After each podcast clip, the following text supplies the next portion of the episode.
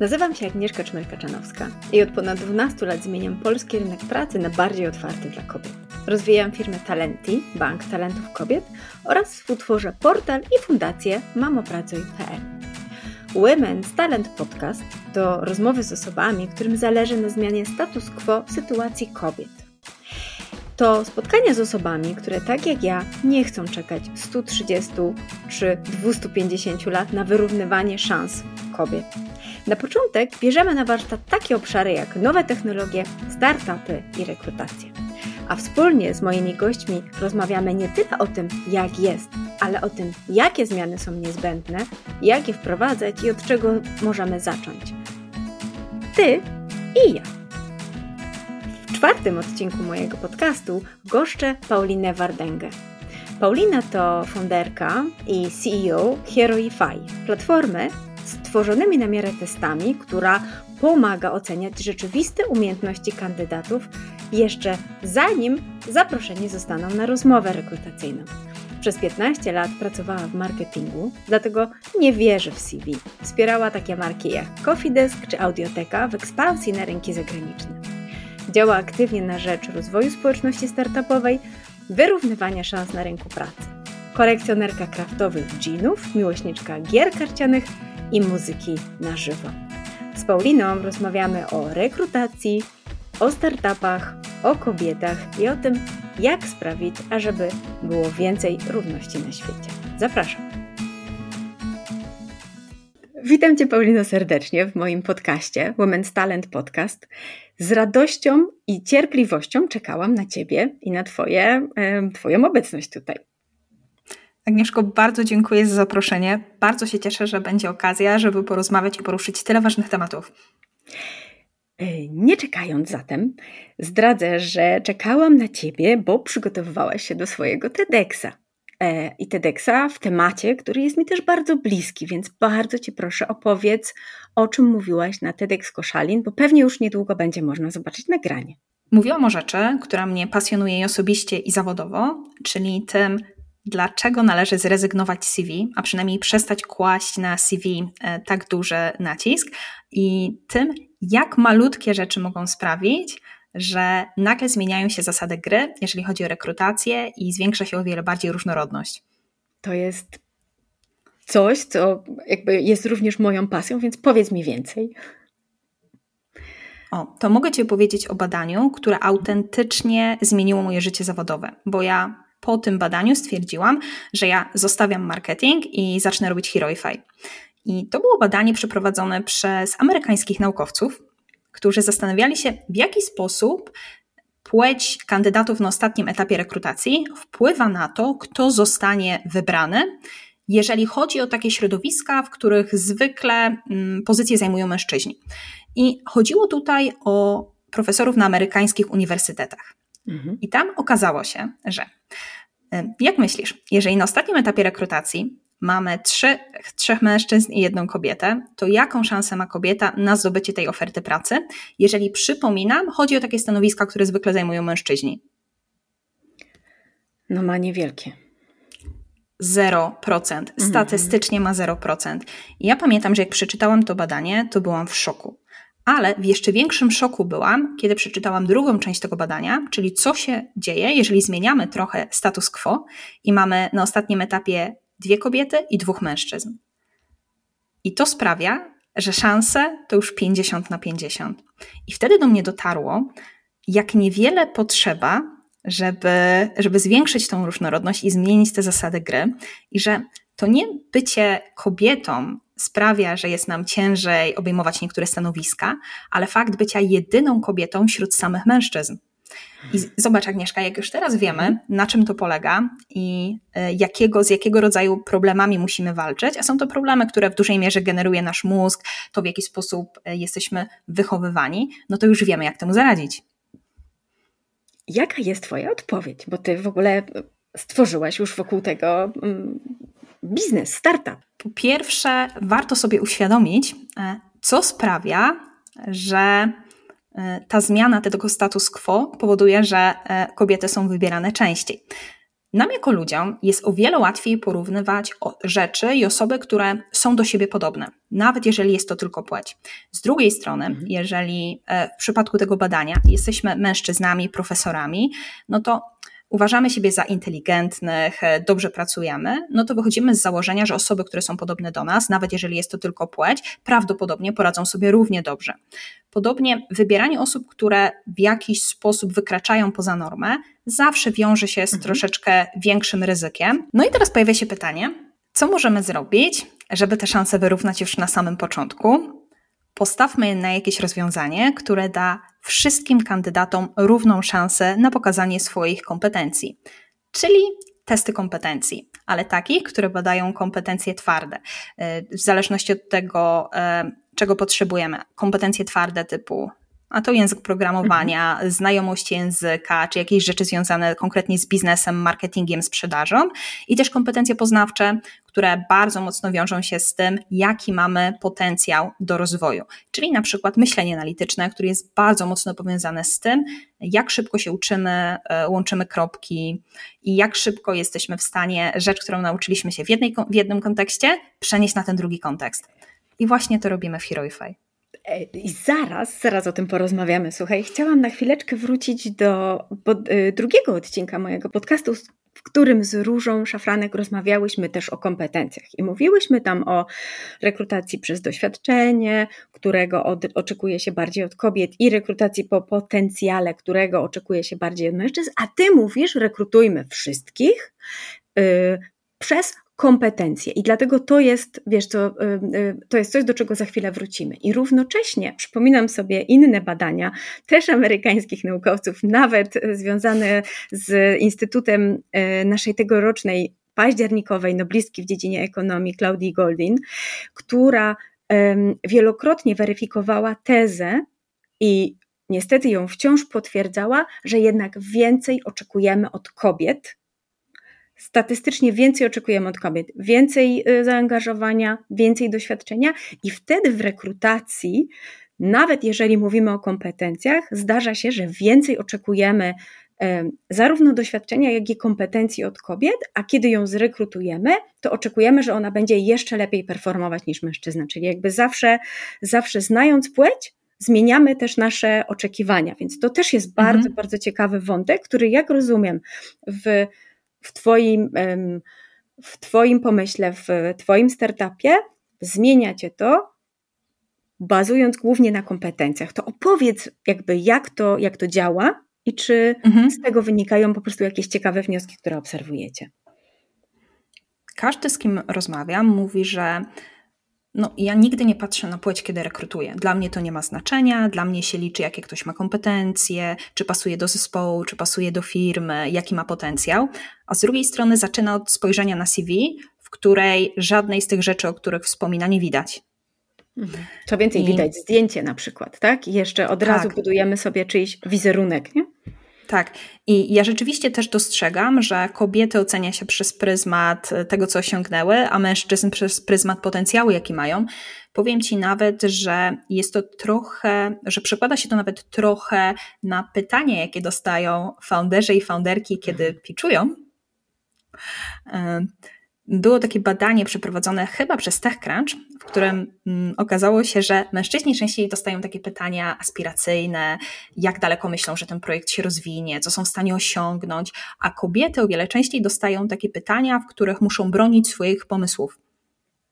Nie? I Bardzo czy na dziękuję Ci, że o tym ten... opowiedziałaś. Mhm. Nie starczyło nam czasu z Chrisem, żeby o tym porozmawiać, a Ty sama o tym mówisz. To, to poruszyło mnie tak bardzo mocno, um, że no nie wiedziałam, wiesz, jakby, że e, jakby trudno mi jest to po prostu wytłumaczyć komukolwiek. Mhm. Dlaczego tak jest? Wiesz co, no founderek jest o wiele mniej. W związku z czym ja rozumiem, że budzimy swego rodzaju, mm, może nie strach, ale takie zastanowienie się, czy skoro większość startupów, które, e, o których słyszymy, mhm. ma mężczyzn CEO, to czy czy kobiety sobie poradzą w tym równie dobrze. I ja rozumiem, że to może budzić pewnego rodzaju wątpliwości, że musimy dopytać i się upewnić. Ja zakładam dobre intencje i zakładam, że to wynika z tego, a, a, a nie z jakichś innych powodów.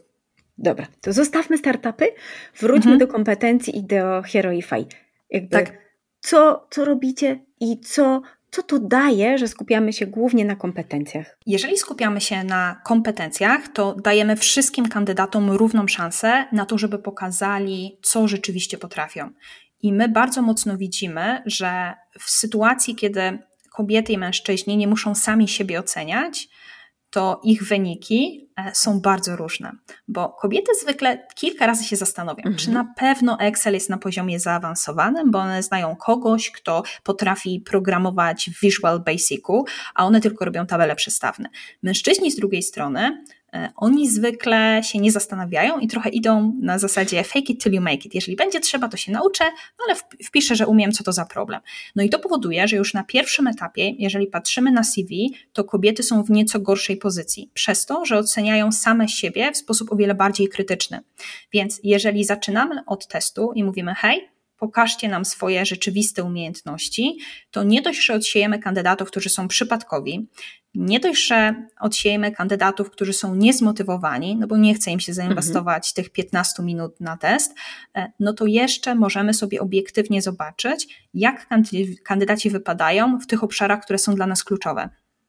I wtedy e, to, na co nam na przykład zwraca uwagę bardzo wielu klientów, co bardzo nas cieszy, to e, zespoły rekrutacyjne mówią nam, że wiecie co, jeżeli mam od Was taki raport, jak ktoś wypada w poszczególnych kompetencjach, to ja na rozmowie mogę poświęcić o wiele więcej czasu na, na rzeczywiste poznanie kandydata. Możemy porozmawiać, e, jest też o wiele więcej czasu na to, żeby kandydat zadał nam pytania, i ja wreszcie mam poczucie, że mam czas, żeby zbadać ten culture fit w odpowiedni sposób. Mhm. Bo ja mhm. absolutnie się zgadzam, że selekcja powinna się odbywać w oparciu o kompetencje, ale później już, ta dru- już ten drugi etap selekcji, e, no to już powinien się odbywać przy udziale człowieka, i powinien się na maksa skupić na tym, czy wartości się zgadzają, czy jest ten culture fit i dopasowanie do firmy.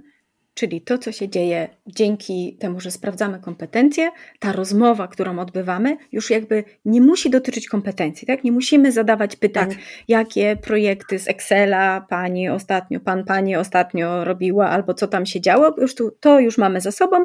Przechodzimy teraz tylko i wyłącznie do tego, żeby się skupić na tym, czy ta osoba będzie, odnajdzie się w zespole, jakie ma te miękkie skille, które już bardziej widać w rozmowie na pewno niż kompetencje. Dokładnie. Mhm. Macie sporo osób, które już wypełniły te testy kompetencji. Czy te wnioski, które macie, pokazują jakieś różnice, jeśli chodzi o wyniki kobiet i mężczyzn, czy też jakby zupełne jakieś wasze obserwacje, które mówią już jakby na poziomie wypełniania tych testów i efektów? My rekrutujemy bez CV, ale kandydaci i tak te CV wysyłają. No, rozumiem z przyzwyczajenia. Mhm. To, co czasami robimy, to patrzymy sobie na, na te CV i oceniamy kompetencje patrząc na samo CV, a z drugiej strony prosimy o wykonanie testu i później zestawiamy wow. wynik testu z tym, mhm. jak, e, no, jak ktoś wypada na samym CV. I rzeczywiście było dla nas z jednej strony szokujące, a z drugiej strony trochę się tego spodziewaliśmy, że kobiety wypadały o wiele lepiej w testach niż to, jak opisywały same siebie. Okej, okay, no tak, no, po, potwierdza to wszystkie badania, aczkolwiek to jest też dosyć obiektywne narzędzie, tak? które mówi, mhm, y, tak. które pokazuje, że zaniżamy, y, że zaniżamy swoje kompetencje. To, co wy robicie, to wysyłacie też feedback. Jak wygląda taki tak. feedback? Na przykład w przypadku kobiet, które zobaczą, jak wysoko zostały ocenione, może to sprawić, tak, że, że ich siła, gotowość, takie poczucie pewności do dalszego etapu rozmowy rekrutacji wzrośnie w, w, w znaczącym stopniu. My dajemy ten feedback wszystkim kandydatom, którzy rozwiążą nasz test, a nie limitujemy kandydatów, którzy mogą wypełnić test, bo wierzymy, że każdy kandydat powinien mieć równą szansę na pokazanie tego, co potrafi. I to, co zauważyliśmy, to że kandydaci są w szoku, że wow, mogę dostać jakikolwiek feedback po samym wysłaniu CV, no bo normalnie to się nie dzieje, nikt na to nie ma czasu. Są takie stanowiska, zwłaszcza entry-levelowe, gdzie tych CV spływa kilkaset, nawet kilka tysięcy i nie, no tutaj nie ma co się oszukiwać, nikt tego nie będzie przeglądać. I do mnie dociera wielu kandydatów, którzy mają fantastycznie wyniki w teście, gdzie po prostu firmy już do mnie same przychodzą, mówiąc, czy mam kogoś dobrego, kogo mogłabym im polecić. Ja tutaj wtedy czasami e, rzeczywiście mówię, startował do nas w rekrutacji, jest świetny, świetna, totalnie, e, totalnie mogę ci go zarekomendować. Z drugiej strony, one wysyłały, te osoby wysyłały CV do wielu różnych firm i nawet nikt się do nich nie odzywa. I to nie odzywa się dlatego, że one nie są dobre, tylko dlatego, że no, przy pewnej liczbie CV nikt tych cv nie przegląda. Jeżeli ktoś dostaje kilkaset CV, nawet kilkadziesiąt, to, to to już działa głównie selekcja negatywna, czyli szuka się też głównie powodów, dla których e, kogoś e, mm, nie zatrudnić. A tym powodem może być absolutnie wszystko, począwszy od tego, że ktoś ma imię, które miał ex, którego nie lubimy. Od takich, e, od takich informacji mam dreszcze, ale równocześnie bardzo często w talenty, wiesz, odpowiadamy E, na pytanie, dlaczego wy nie zbieracie CV, tak? Bo my prosimy kandydatki, mhm. ażeby uzupełniły swoją ścieżkę kariery, która wymaga od nich czasem 40, nawet 45 minut poświęcenia czasu, ale zadajemy dużo, dużo więcej pytań aniżeli w CV, po to, żeby móc zdobyć wiedzę, która pozwala o wiele skuteczniej szybciej, ale też precyzyjniej łączyć ją z, e, łączyć daną kandydatkę z ofertą pracy. Bardzo często odpowiadam na pytanie, dlaczego nie CV? Przecież wszyscy rekrutują po CV. Kandydatki nawet same mówią, dlaczego ja muszę wypełnić tą ścieżkę, nie mogę wam wysłać CV.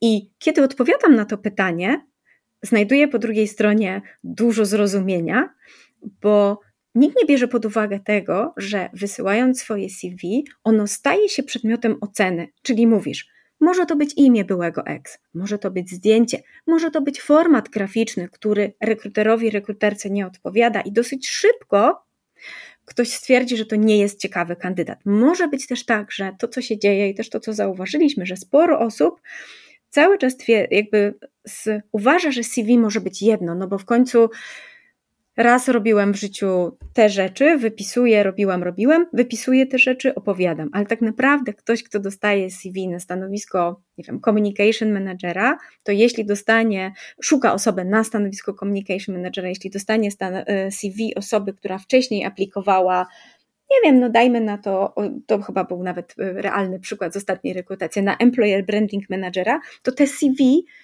to, to CV będzie postrzegane jako nieadekwatne i kandydat będzie postrzegany jako nieadekwatny do tej roli, bo ja jako rekruter będę musiała doszukiwać się analogii. A, A mając na to 6 sekund, nie masz, tak. Mhm. Nie ma po prostu na to przestrzeni. Dla mnie to jest bardzo ciekawe. Mnie też przeraża to, że coraz częściej, e, zwłaszcza od naszych zagranicznych klientów, wychodzą na słuchy, że oni widzą, że dostają CV, które zostało wygenerowane właściwie od zera przez ChatGPT. No i teraz zajmuje to de facto kilka minut i można stworzyć sobie karierę od początku. I prawda jest taka, że jeżeli ktoś ma kilka, kilkanaście sekund na tą pierwszą e, selekcję CV, to nikt na tym etapie nie będzie sprawdzać, czy to jest prawda, czy nie. I w ten sposób bardzo wiele naprawdę fenomenalnych kandydatek odpada, bo nie ujęły, nie znalazły słów kluczowych. Oczywiście kandydatów również, tak? Ale wiesz, jakby te, te słowa kluczowe się nie pojawiły, odpada. I to co, to, co my staramy się robić, to właśnie pokazywać o wiele więcej, pokazywać i też motywację do podjęcia danej pracy, doświadczenie, ale przez pryzmat tej oferty pracy, która jest na stole, a nie poprzez mhm. CV. Więc y, no bardzo się cieszę, że, że, że wiesz, jakby, że, że, że dodatkowe dowody dostaję od ciebie na to, że to naprawdę ma sens. Jeszcze jedna ciekawa rzecz to to, że my przerzucamy na kandydatów konieczność oszacowania tego, jak dobrzy oni są z jakiejś kompetencji. Skąd oni mają to wiedzieć? Dopóki ktoś im nie powie, nie powie testów, nie zrobi ktoś testów, tak, nie powie ten wynik, wyników testu, też jest trudno szacować. Nawet powiem Ci, że mhm. w przypadku testów językowych my mamy na, na talenti.pl możliwość zrobienia sobie poziomowania testu mhm. i nawet to, że mogę sobie zrobić test i zobaczyć, czy jestem B1, C1, B2, A1 jakiegoś języka, e, wcale nie sprawia, że kandydatki potem to wpisują. O! Ciekawe, nie? Nie używają hmm. tego jako, jako, wiesz, nie wierzą temu. Mhm. Hmm. Okej, okay, ciekawe. Też z drugiej strony też mnie nie zaskakuje. Wszystkie na pewno znamy e, jakąś osobę, która mówi w języku lepiej, więc musimy tutaj Oczywiście. odpowiednio niżej się ustawić. Ja też przez długi okres czasu zastanawiałam się, jaki jest ten mój poziom angielskiego, bo dla mnie drugim językiem jest hiszpański, w nim mówię biegle i wiem, że po angielsku nie mówię na takim poziomie, ale kiedy patrzę obiektywnie, jak mówię po angielsku, no to mówię bardzo dobrze. I powiem Ci, że na początku wpisywałam go na taki poziom tam średnio zaawansowany, zaawansowany, ale później się okazywało, że pojawiały się osoby, które mówiły o wiele gorzej ode mnie, które wpisywały sobie, wiesz, biegłe, nie? Mówię, okej, okay, dobra, czyli to takie są zasady gry. Rozumiem. Zasady gry, które tak naprawdę nie są oczywiste, tak? Bo jeśli ja mhm. wypełniam CV i biorę pod uwagę to, w jaki sposób ja oceniam swoje własne kompetencje, to mogę je albo przeszarżować, tak? No bo nie mam punktu odniesienia, albo, albo znacząco zaniżyć, a rozumiem, że mhm. CV wtedy jest postrzegane jako osoba, która e, na przykład ma za niski język, poziom języka angielskiego, chociaż de facto w rozmowie okazałoby się, że mówi biegle albo wystarczająco biegle i komunikatywnie do danej roli. Mhm. Ale to też jest taka gra, w którą grają obie strony. Mhm. Bo z jednej strony mamy ten koncert życzeń pracodawców, którzy wpisują wszystkie rzeczy, jakie przyjdą im do głowy. Czyli jeżeli ktoś zajmuje się marketingiem, to super, gdyby jeszcze grafiki robiła. Jak robi grafiki, no to już może reelsy na Instagrama. Y, I nagle szukamy kogoś, kto ma kompetencje kilku różnych stanowisk. No i z drugiej strony mamy też to podejście, w jaki sposób aplikują kobiety i mężczyźni, mhm. że kobiety czują, że muszą spełniać te 100% warunków, e, żeby aplikować, mężczyźni niekoniecznie. To też nas, to też nas stawia e, w trochę gorszej sytuacji. E, no i z drugiej strony okazuje się, że rekruterzy zdają sobie sprawę, że kandydaci często ściemniają w CV-kach, z drugiej strony, kiedy patrzą na te CV, no to pada to hasło, że mi wystarczy kilka sekund spojrzenia na CV i ja już wiem, czy to jest odpowiedni kandydat. No nie możesz tego wiedzieć, bo bardzo prawdopodobne jest, że te dane e, no nie są do końca prawdziwe i czasami są to takie drobne kłamstewka, no ale czasami to już są e, większe ściemy.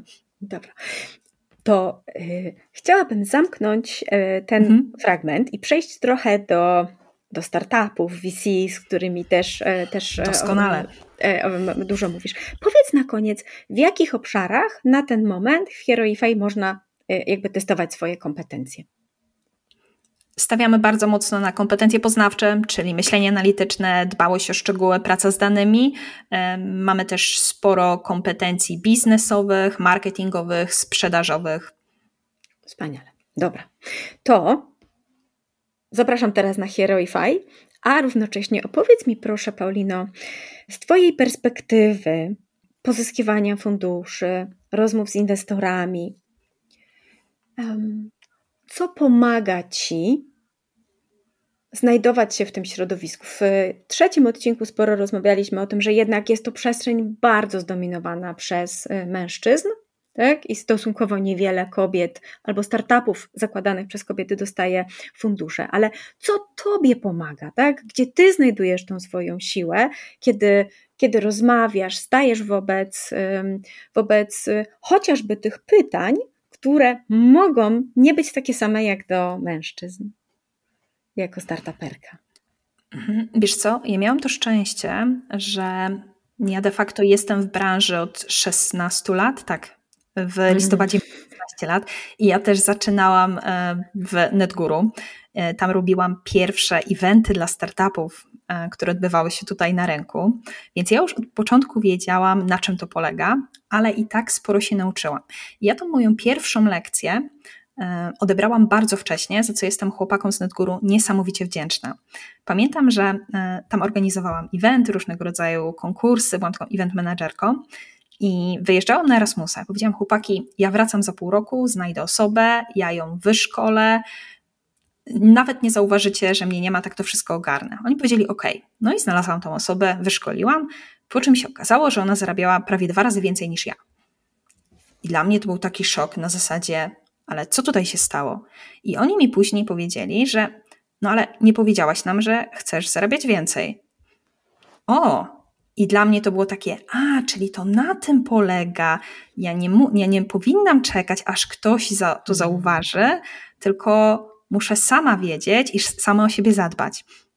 I to jest coś, co mi bardzo mocno przez e, te ostatnie lata procentowało. Hmm. Powiem ci, Sama że. świadomość tego podejścia. Że w jakim wieku byłaś wtedy, kiedy dostałaś tą lekcję? Hmm, chyba 20 lat, ale wiesz, ja się wtedy uczyłam, na czym polega praca. E, mhm. E, zarządzający uczyli się, na czym polega budowanie firmy. Wszyscy się wtedy uczyliśmy nie? I jestem im niesamowicie wdzięczna, bo sama świadomość tego bardzo mocno wpływa na to, że ty już wiesz, jakie są reguły tej gry. Hmm. A wiesz, to jest, jakby mam wrażenie, że to jest coś, co powinno być nauczane też w szkole, nie? Jakie są mhm. zasady tej gry? Pamiętam, przygotowując się do jakichś różnych wystąpień, znalazłam badania, e, które dotyczyły firmy Google. Wszyscy znamy, gdzie menedżerowie jakby zaobserwowali, że kobiety, które są w zespołach, nie, nie awansują tak szybko, jak mogłyby, albo jak oczekiwałaby firma, a to jest technologia, mhm. wiadomo, są kobiety potrzebne, firma też jest otwarta bardzo. Więc stworzyli program, w którym, aby dostać awans, można było po prostu się zgłosić. I oczekiwali, że to rozwiąże wszystkie problemy, że po prostu kobiety się będą zgłaszać. Nic takiego mhm. się nie wydarzyło. Kobiety czekały, aż ktoś im to zaproponuje, aż ktoś doceni i powie: Twoje kompetencje są tak wspaniałe, jesteś mhm. tak świetną pracowniczką, że to jest ten moment, w którym powinnaś awansować. Dla mnie to było bardzo przejmujące, bo, bo wyobrażam sobie, że żeby dokonać tej zmiany w tak dużej organizacji wcale nie jest łatwo. Pewnie jakieś ogromne nakłady środków i czasu zostały, wiesz, mądrych głów, e, aby stworzyć ten program, ale nikt nie wziął pod uwagę tego, że nie znamy zasad gry, albo że jesteśmy, ale nie wszyscy mamy instrukcję, taką samą instrukcję, e, po prostu instrukcję gry, tak? Mhm. Bo duży wpływ ma też to, w jaki sposób jesteśmy wychowywani, w jaki sposób widzi nas społeczeństwo. Są jakieś takie odgórnie przypisane role, że kobiety zwykle pełnią role takie bardziej um, opiekuńcze i oczekuje się od kobiet takiego zorganizowania, tego, że to na spotkaniu kobiety będą robić notatki, bo przecież mają takie ładne pismo. No ale fakt jest taki, że albo notujesz czyjeś myśli, albo ktoś notuje Twoje myśli. I ja jako founderka chcę być e, na tej drugiej pozycji, chcę, żeby to moje myśli notowały. Ja chcę podejmować decyzje, a nie notować czyjeś. To, co też bardzo mocno zauważam, to że kobiety widzą siebie w takiej roli wspierającej i my mamy takie podejście, że my z wszystkim sobie poradzimy, e, wszystko weźmiemy na siebie, ktoś ma jakiś problem, to pomożemy. Tymczasem, jeżeli cały czas pełnimy tą rolę wspierającą, to ludzie nas widzą jako osobę, która pełni rolę wspierającą. E, jeżeli chcemy zarządzać firmą czy startupem, to nie powinniśmy mieć roli wspierającej. My musimy być wizjonerkami, musimy podejmować decyzje, musimy być w stanie zebrać finansowanie, zdobyć klientów, zrekrutować świetny zespół. My potrzebujemy świetnych ludzi, którzy będą nas wspierać. Co musi się zmienić w świecie VC, inwestorów, partnerów, aby ten odsetek inwestycji w biznesy prowadzone przez kobiety się zwiększył? Jak myślisz? Z Twojej perspektywy. Dla mnie podstawą jest to, żeby być świadomymi, że problem w ogóle istnieje, bo tylko wtedy jesteśmy w stanie jakoś na niego wpłynąć, a z drugiej strony, e, żeby być świadomymi zwłaszcza takich nieuświadomionych uprzedzeń i tego, co możemy zrobić, żeby tą liczbę kobiet founderek zwiększyć bo ja jako founderka nie chcę, żeby ktoś mi coś dawał tylko i wyłącznie dlatego, że jestem kobietą, ale ja chcę mieć równą szansę. To znaczy, jeżeli jest ta grupa founderów, e, z którymi fundusze rozmawiają na początku, niech tam będzie również sporo startupów, które są tworzone przez kobiety albo współtworzone przez kobiety. Z drugiej strony, mm, no większość funduszy to są fundusze, które składają się z samych mężczyzn.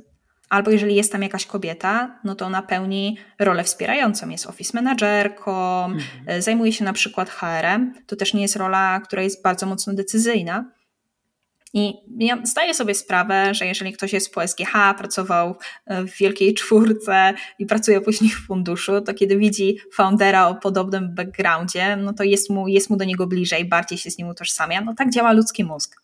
Więc e, moim zdaniem to jest sama świadomość, że taki problem istnieje, świadomość tego, jak można go rozwiązać, na przykład dbając o tą różnorodność już na samym początku przy wyborze i pierwszej selekcji, a z drugiej strony pokazywać dobre wzory, pokazywać kobiety founderki. Ja akurat czerpię ogromną inspirację z mojego otoczenia i z tego, że mam mnóstwo absolutnie fantastycznych founderek dookoła siebie.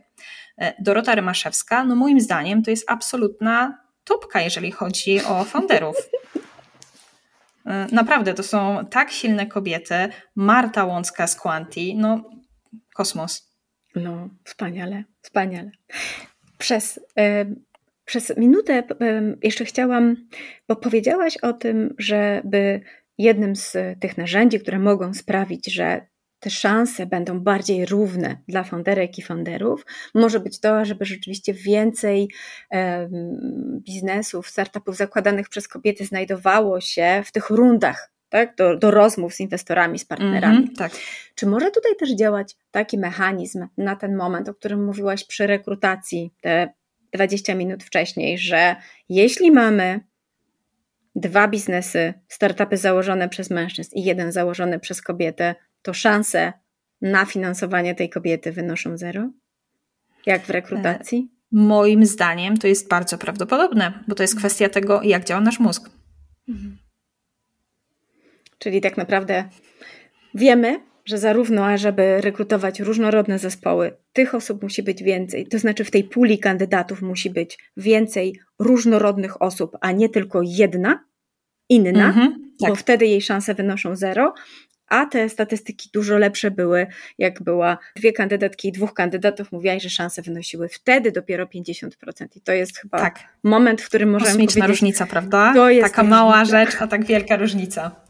Słuchaj, ja Ci bardzo, bardzo dziękuję. Przejdźmy do tego ostatniego elementu na koniec. Proszę każdego z moich rozmówców i rozmówczyń o to, żeby się podzielili swoim mottem, cytatą, myślą, która pomaga i takim drogowskazem w życiu, która może być pomocna też dla innych. Co byś powiedziała? Ja mam tutaj takie dwie myśli, którymi się kieruję. Pierwsza to to, żeby zakładać dobre intencje. I jeżeli nie wiesz, jak coś przyjąć, przyjmij to jako komplement. To bardzo ułatwia życie, podejmowanie decyzji. A z drugiej strony, nie pamiętam kto to powiedział, ale zostało mi to w głowie. Pewność siebie jest zaraźliwa, ale niepewność siebie również. Bardzo Ci dziękuję. Pamiętajcie o tym. Do następnego również razu. dziękuję. Do usłyszenia. Dziękuję za wysłuchanie odcinka. Zapraszam do kontaktu na LinkedIn, do kontynuowania dyskusji zarówno ze mną, jak i z moimi gośćmi.